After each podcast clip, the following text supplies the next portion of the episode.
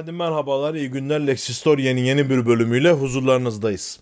Malum İsa'nın Şebarus haftası içerisindeyiz. Hazreti Mevlana haftası içerisindeyiz resmi adıyla.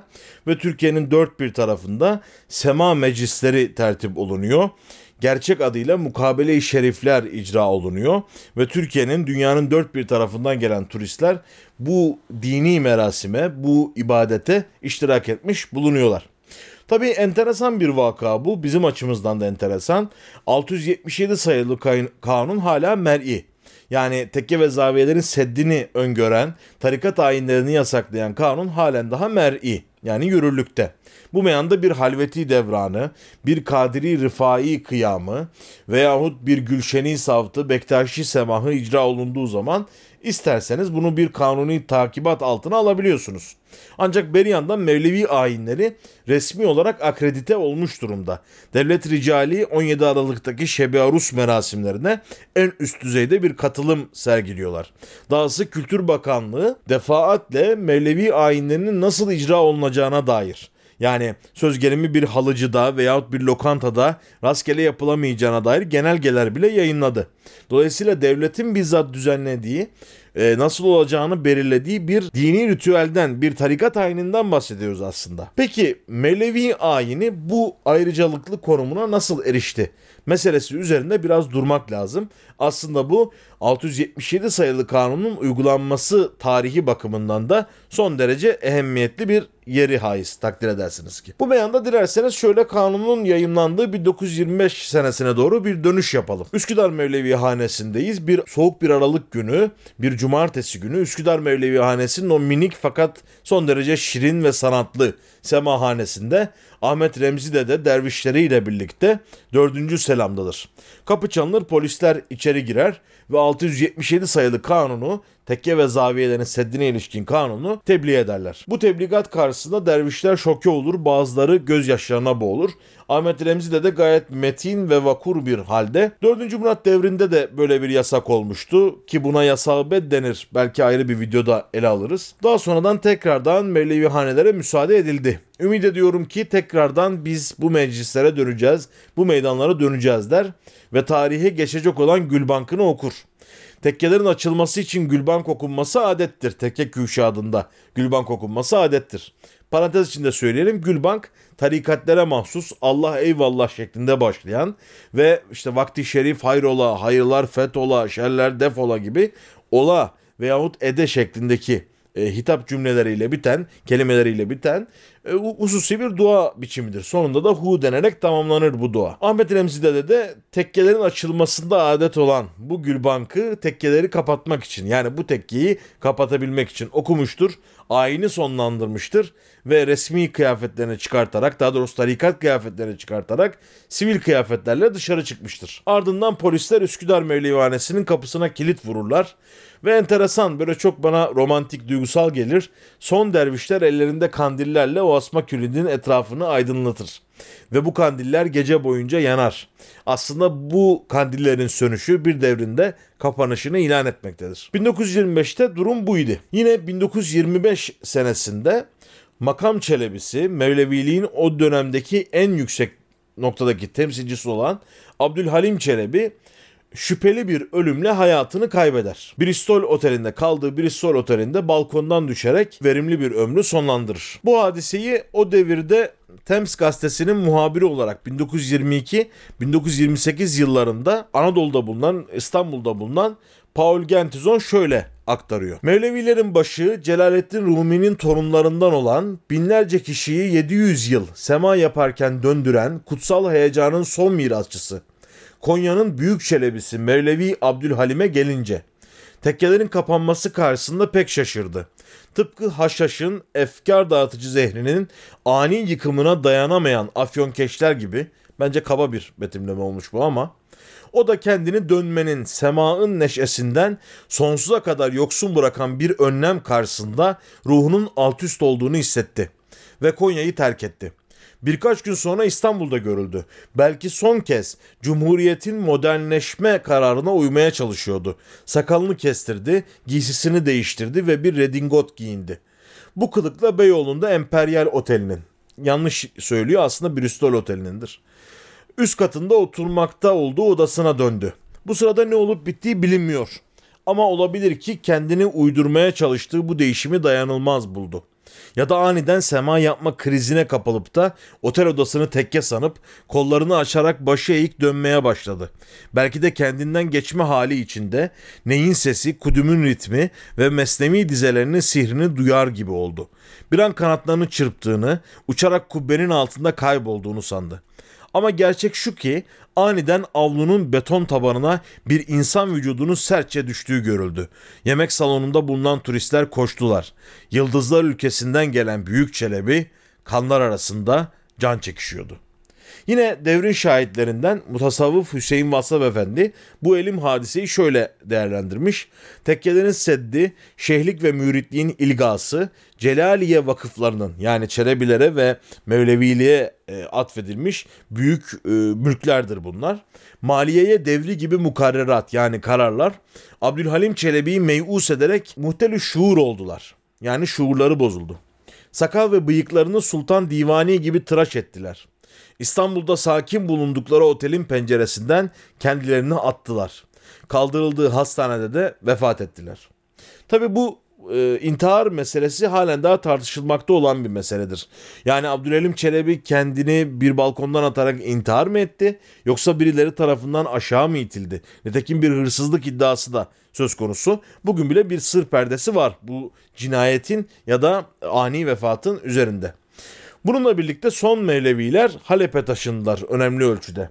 Mesela Abdülhalim Çelebi'nin oğlu Mehmet Bakır Çelebi Halep Mevlevihanesi'nin başına geçti ve burada makam Çelebiliği vazifesini babasından devraldığı vazifeyi sürdürdü. Nitekim daha sonra kaderin bir cilvesi Hatay'ın Türkiye'ye katılması aşamasında Atatürk'le irtibata geçecekler ve Türkiye'ye büyük destekler, büyük hizmetler sunacaklar. Bu hizmetlerinden dolayı bu defa Suriye tarafından sürülecekler. Bu defa Türkiye'ye gelecekler Mehmet Bakır Çelebi. Hatta enteresandır Türkiye'de kaldığı müddetçe Nazım Hikmet ve Vala Nureddin'le yakın münasebetler kurmuş. Nazım Hikmet'in şiirlerini ezbere bilen böyle entelektüel bir zat imiş.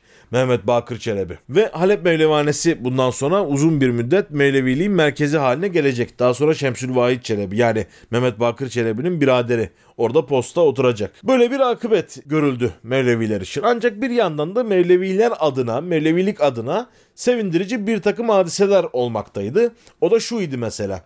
Bütün türbeler kapanmıştı 677 sayılı kanunla birlikte. Söz gelimi Hacı Bektaş dergahına bakacak olursak Hacı Bektaş dergahı bir ziraat okuluna dönüştürülmüştü. Hatta Kırşehir'in Nahiye Müdürü Fahri Bey adında bir kimse bu dergahın havaya uçurulmasını, yerine yeni bir tesis yapılmasını bile teklif etmişti. Bunun gibi nalbanthaneye çevrilen veyahut boks kulübüne çevrilen dergahlar ve tekkeler mevcuttu. Ama bütün bu hengamede bir istisna söz konusuydu. O da Hz. Mevlana'nın türbesi ve dergahıydı. 1927'de Atatürk'ün de bizzat müdahale ve müsaadesiyle Konya'daki Mevlana dergahı Asar-ı Atika Müzesi'ne dönüştürüldü. Ve bu de, müzenin başına Yusuf Akyurt adında bir memur getirildi. Bu istisnanın sebebi üzerinde durmak lazım. Çünkü Bilinenin aksine yani Türkiye'de şu anda bir takım kanılar var. Atatürk'ün Bektaşiliğe yakın olduğu, Melamiliğe yakın olduğuna dair herkes kendi meşrebince e, bir meşruiyet kazanma alanı olarak Atatürk'ü kendine yakın göstermeye çalışıyor. Oysa objektif değerlendirdiğimiz zaman Atatürk'ün hiçbir tarikata yakın olmadığını açıkça söylemek lazım.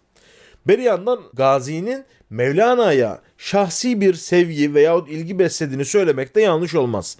Nitekim Falih Rıfkı'nın ve Mehmet Önder'in hatıratında Atatürk'ün gençliğinde Selanik Mevlevi hanesine devam ettiğine dair bilgilere rastlıyoruz. Tabi Bolahenk Nuri Bey'den de musiki dersleri almış, musiki ile alakadar olan bir zat Gazi. Dolayısıyla bir musiki zevki olarak Türk musikisinin en büyük formu olan Mevlevi ayinini dinlemek adına Selanik Mevlevihanesi'ne gitmiş olabilir. Bunun gibi Mevlana'yı, Hazreti Mevlana'yı bir Türk reformatörü olarak gördüğü, e, dini raksla, sema ile, musiki ile, cezbe ile birleştiren bir reformcu olarak gördüğü de çevresindeki kimselerin hatıratında mevcut ve mervi. İsmail Habib Sevük enteresan bir hadise kaydediyor. Takvimler 1923'ü göstermekte. Biraz daha geriye aldık takvimi. Abdülhalim Çelebi o dönemde Konya mebusu, meclis ikinci başkanı ve Konya'daki bir takım isyanları da e, nihayetlendirdiği için İstiklal Gazisi olarak Atatürk'ü Konya'ya davet ediyor. Atatürk bu davetten fevkalade memnun oluyor ve bir ayini şerif izlemek durumunda o sırada. İsmail Habib Sevük de yanında bulunuyor. Habib Sevük hadiseyi şöyle kaydediyor. Paşa gayet memnundu izlediği ayinden ve beni böyle imtihana çekercesine ağzımı aramak maksadıyla bu Mevlana nasıl bir adamdır İsmailciğim diye sordu. Ben de paşam bilemiyorum ama fevkalade akıllı bir kimse olacak ki raksı bir esas haline getirmiş şeklinde bir cevap verdim. Paşa da şöyle dedi. Onun ne liberal kafalı bir şair olduğunu bildiğim için ben de bu ayine kupkuru gelmek istemedim.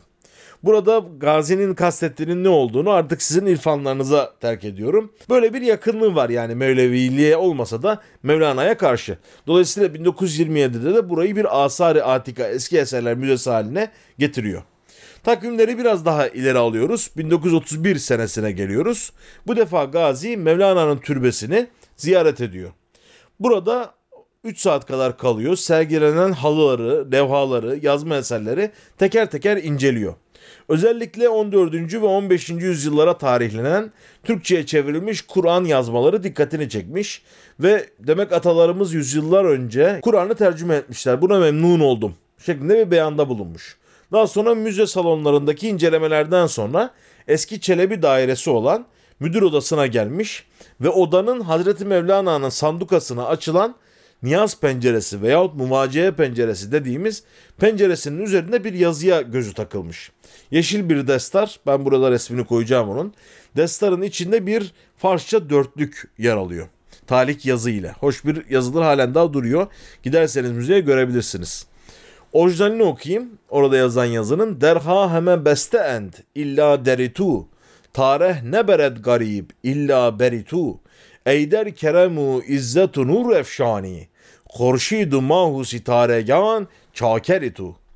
Bu beyitleri okuyor Atatürk. Ardından kendisi de bir Mevlevi olan, daha doğrusu gençliğinde Mevlevi kültürüyle yakından münasebetli olan ve e, meşhur şairimiz Can Yücel'in babası olan Milli Eğitim Bakanımız Hasan Ali Bey'e dönerek Farsçayı çok iyi bildiğini bilerek tabii ki bu rubayı Türkçe'ye çevirir misin diyor. Hasan Ali Bey de orada yazan rubayı çeviriyor ve şu beyitleri okuyor. Ey keremde, yücelikte ve nur saçıcılıkta, güneşin, ayın, yıldızların kul olduğu sen. Ey Allah, garip aşıklar senin kapından başka bir kapıya yol bulamasınlar diye. Öteki bütün kapıları kapatmış, yalnız senin kapını açık bırakmışsındır şeklindeki beyitleri okuyor. Atatürk bu tercümeyi dikkatle dinledikten sonra son cümle üzerinde duruyor. Yani bütün kapılar kapanmış, senin kapın açık kalmıştır. Der maheme bestend illa derutu beyti üzerinde durmuş biraz Atatürk ve demiş ki demek bütün kapılar kapandığı halde bu kapı açık kalmış.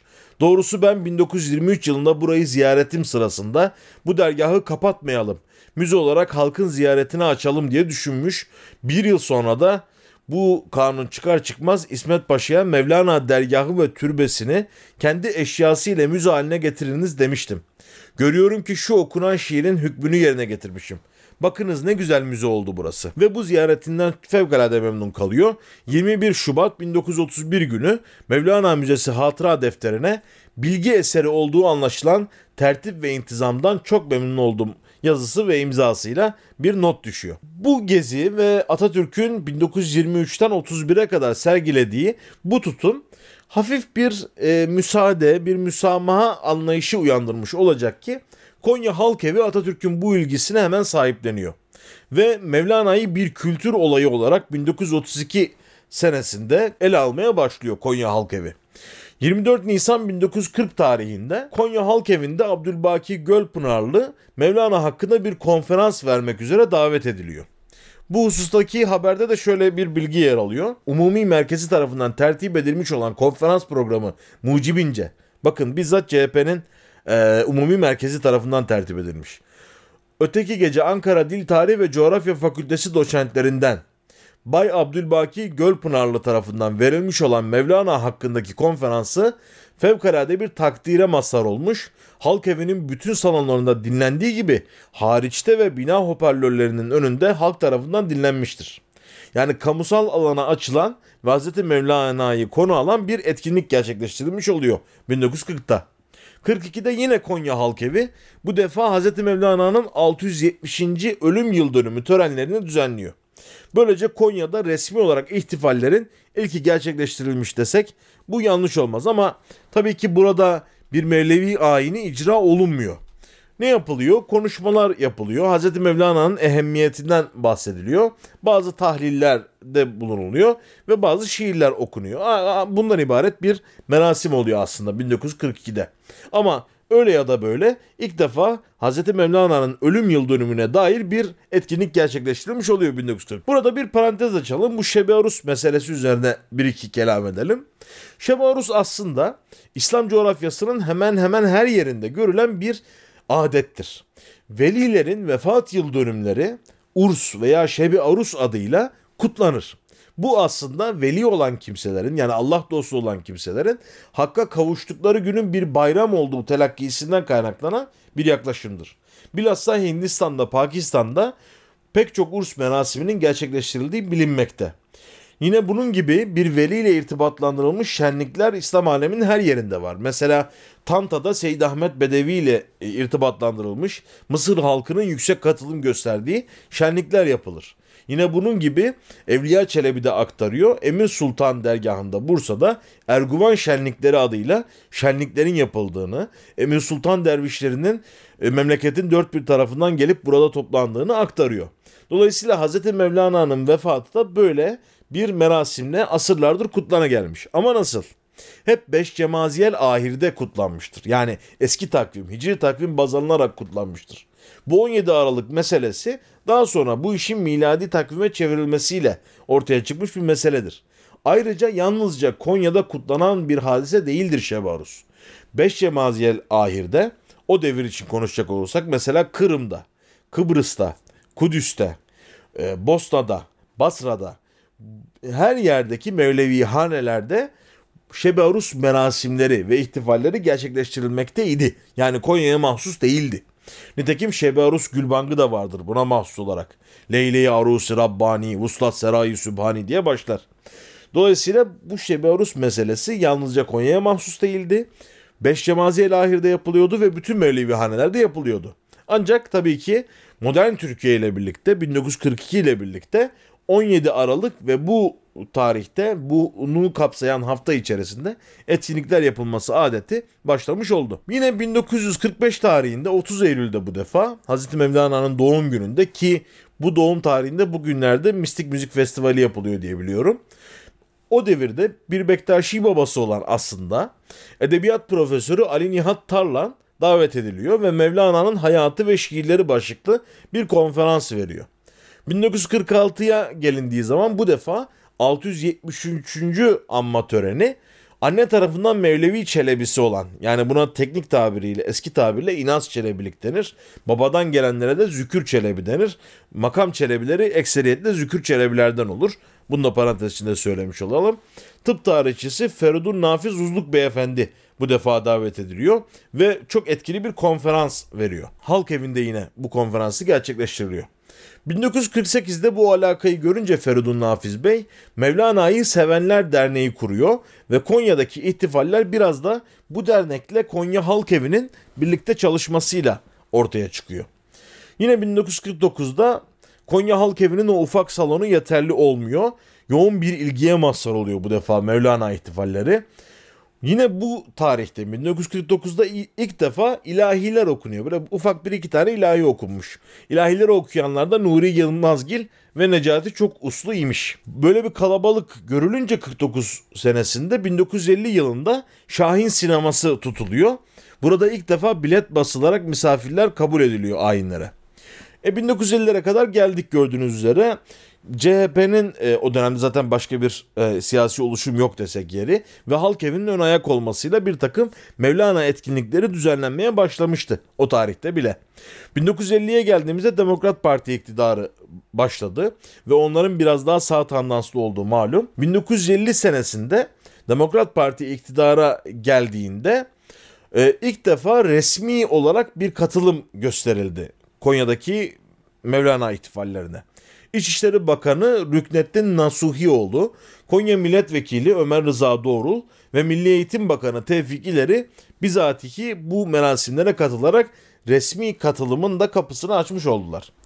1951 yılına gelindiğinde Konya Halk Evi artık kapatılmıştı. 1941 tarihindeki bir kanuna dayanarak ve o yılki töreni 1951 senesindeki töreni Türk Milliyetçileri Derneği üstlenmişti. Ve programa Pakistan Büyükelçisi, Milli Eğitim Bakanı, yine e, daha önce ismi geçen Feridun Nafiz Bey, Ömer Rıza Doğrul davet edildi. Ve Pakistan Maslahat Güzarı tarafından buraya bir mektup, bir telgraf gönderildi.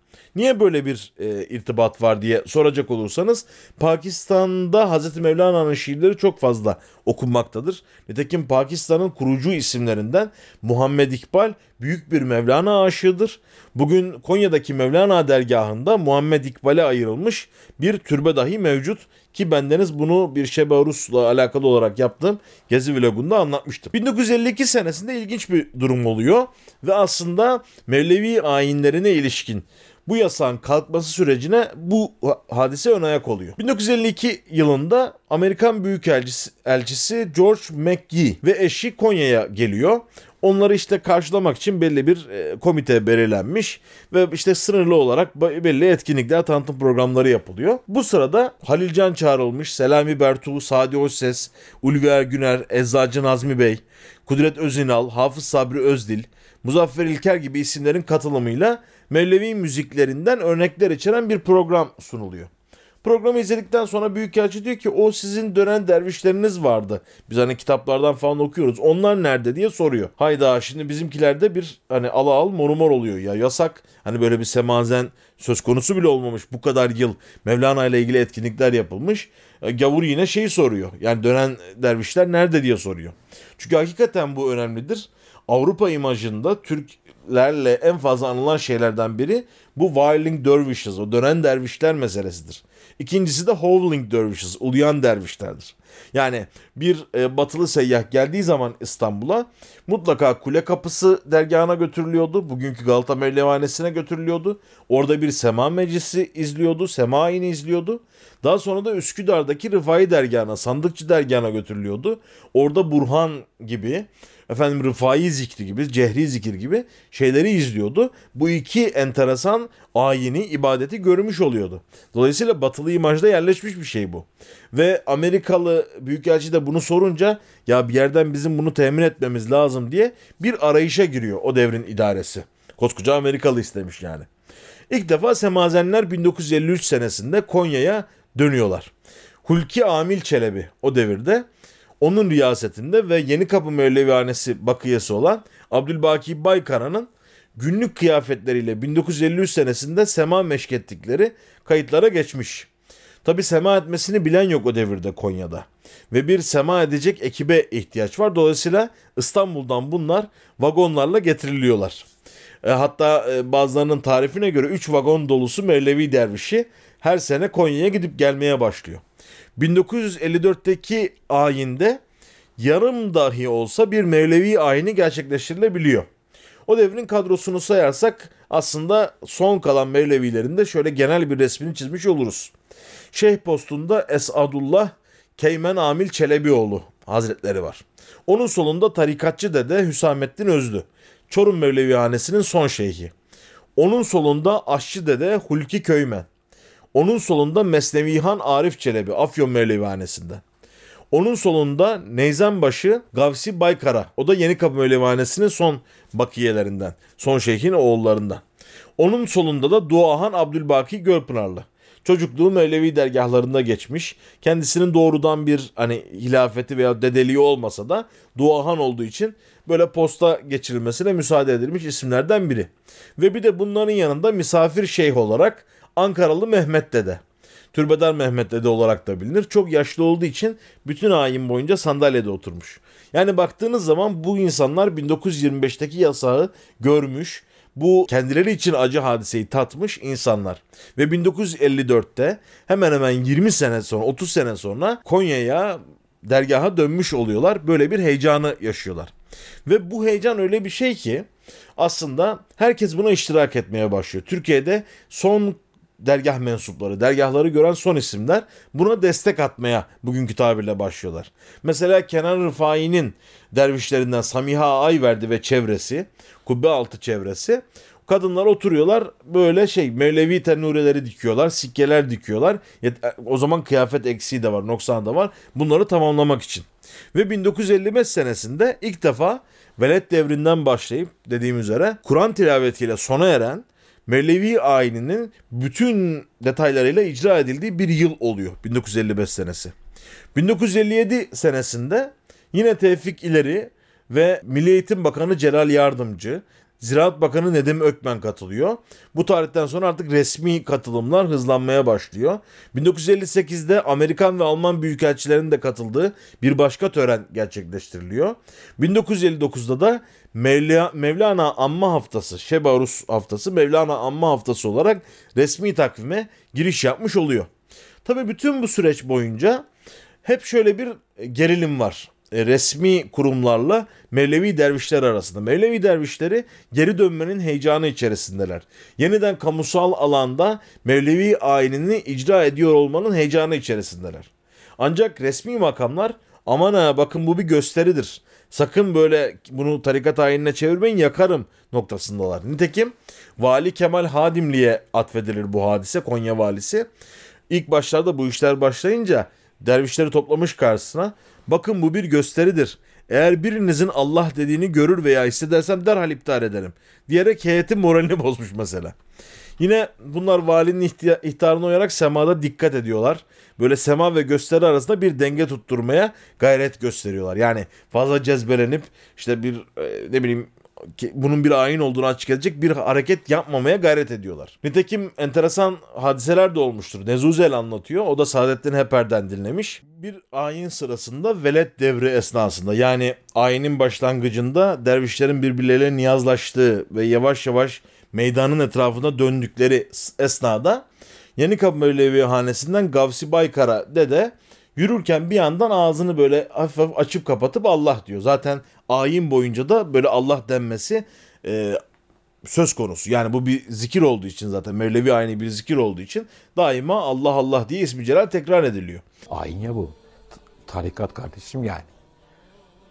Din, inanç, iman. Diyecek diyemiyor. Korkuyor. Saadettin Heper valiyle yan yana oturuyormuş. Vali dönmüş hocaya demiş ki bu ağzı oynuyor bunun ne oluyor buna demiş Gavsi Bey için. Gavsi Baykara şeyhin büyük oğlu. Çenesi oynuyor ismi Celal dolaşırken Sultanahmet devrinde. Saadettin Bey de demiş ki onun kalbinde rahatsızlık var. Koroner spazmı geçiriyor. Onun için nefes alamıyor. Oynuyor çenesi demiş. Vali dönmüş şöyle hocaya demiş hoca ne güzel saklıyorsun demiş. Vali de biliyor adamı ibadet ettiğini. Yine bir başka ayinde mutrıpta yani musiki şinasların arasında Kur'an tilaveti olmuş, Kur'an okunmuş. Zaten ayinin sonunda Kur'an okunması adettir. Konya Başsavcısı Nezihi Bey bu, bu defa Nezuzer'e dönmüş. Bu da nereden çıktı demiş. İşte ya efendim hani Kur'an okunuyor hani bu adettir falan filan deyince hoca da artık aşırıya kaçıyor. Ne şanslı tarikatsınız siz be demiş. İşte Nezuzel yine alttan almaya çalışmış. İşte ne tarikatı sayın savcım bu bir gösteridir. Biz merasim olsun diye hani turistler görsün diye yapıyoruz falan. Yok yok demiş siz iyice gemi azıya aldınız. Hani diğer tarikatların aynı yasak sizinki, sizinkine müsaade var gibilerinden. O da e, kızmış. Bu gerilim böyle şey yani bu Nezuzer bunu şey olarak anlatır. Böyle soğuk savaş atmosferi vardı sürekli meydanda diyor. Yani aman bu bir gösteri mi yoksa bu bir tarikat ayini mi hep arada gidip geliyordu. Çünkü o ayinlere gelen insanlar hep en son dergahları görmüş olan tarikat mensupları aslında. Bir yandan böyle bir gerilim devam ederken zaman zaman fiziksel müdahaleler de olmaya başlıyor. Özcaner Giydiren'in ki kendisi 1957'de Ahmet Bican Dede'den olması lazım. Sema meşk ederek yeniden sema öğrenen ilk kuşağın mensuplarından biridir. Özcaner giydiren beyefendi. Onun aktardığı bir şey var. Biri cezbeye geliyor, kollarını açıyor, meydana atıyor kendini ayin sırasında. O da dönmeye başlıyor. Adamı derdest ediyorlar, karakola götürüyorlar. İşte ayin icra etmek suçundan 677'den adamı derdest ediyorlar. Helmut Ritter o e, ayinler sırasında 1960'taki ayinler sırasında bulunmuş ve e, muhtemelen Özcan Bey'e de soran o. Ya niye böyle bir şey oldu diyor. İşte ayin icra etmeye kalktı o yüzden diyor Özcan Bey. E diyor ki siz ne yapıyorsunuz? O da işte biz hani gösteri yapıyoruz falan deyip konuyu geçiştirmeye çalışıyor. Böyle çelişkili, ikircikli bir durum doğuyor. Fakat bir hadise var ki 1960 senesindeki ihtifallere damgasını vuruyor. E 27 Mayıs 1960 ihtilali olmuş. Zaten gergin bir atmosfer var Türkiye'de ve askerler var e, malum iktidarda ve Milli Birlik Komitesi, junta mensupları da Hazreti Mevlana ihtifallerine dahil oluyorlar. Onlar da katılıyorlar. Heyet onları izlerken bu sırada kameralar çekim yapıyor Meydan-ı Şerif içerisinde. Tabii dediğim gibi bu işin iki tarafı var. Yani bunlar son tekke mensupları. Bunlardan bir tanesi de Rusuhi Baykara. Yeni Kapı Mevlevihanesi'nden. O da postta o sırada. Post sema yaparken kameralar dibine kadar geliyor e, merhumun ve çamurlu ayaklarıyla giriyorlar. Her ne kadar orası bir spor salonu olsa da Me- Meleviler için o sırada bir meydanı şerif yani zikrin yapıldığı bir yer. Dolayısıyla Rusuhi de de son derece sinirlenmiş ve kolundan tutup burada ayin yapılıyor efendim deyip dışarıya atmış kameramanları. Vay efendim sen burada ayin yapılır der misin? Kutsi Ergüner'in ve Nezuzeli'nin aktardığına göre Rusuhi Dede ve diğer Mevlevi dervişleri derdest edilmişler. Hatta Necip Bey şey demiş. Çıkmayalım biz de protesto edelim. Yani herkes dağılsın gitsin biz soyunma odasından dışarı çıkmayalım. Gelsinler bizi burada alsınlar demiş.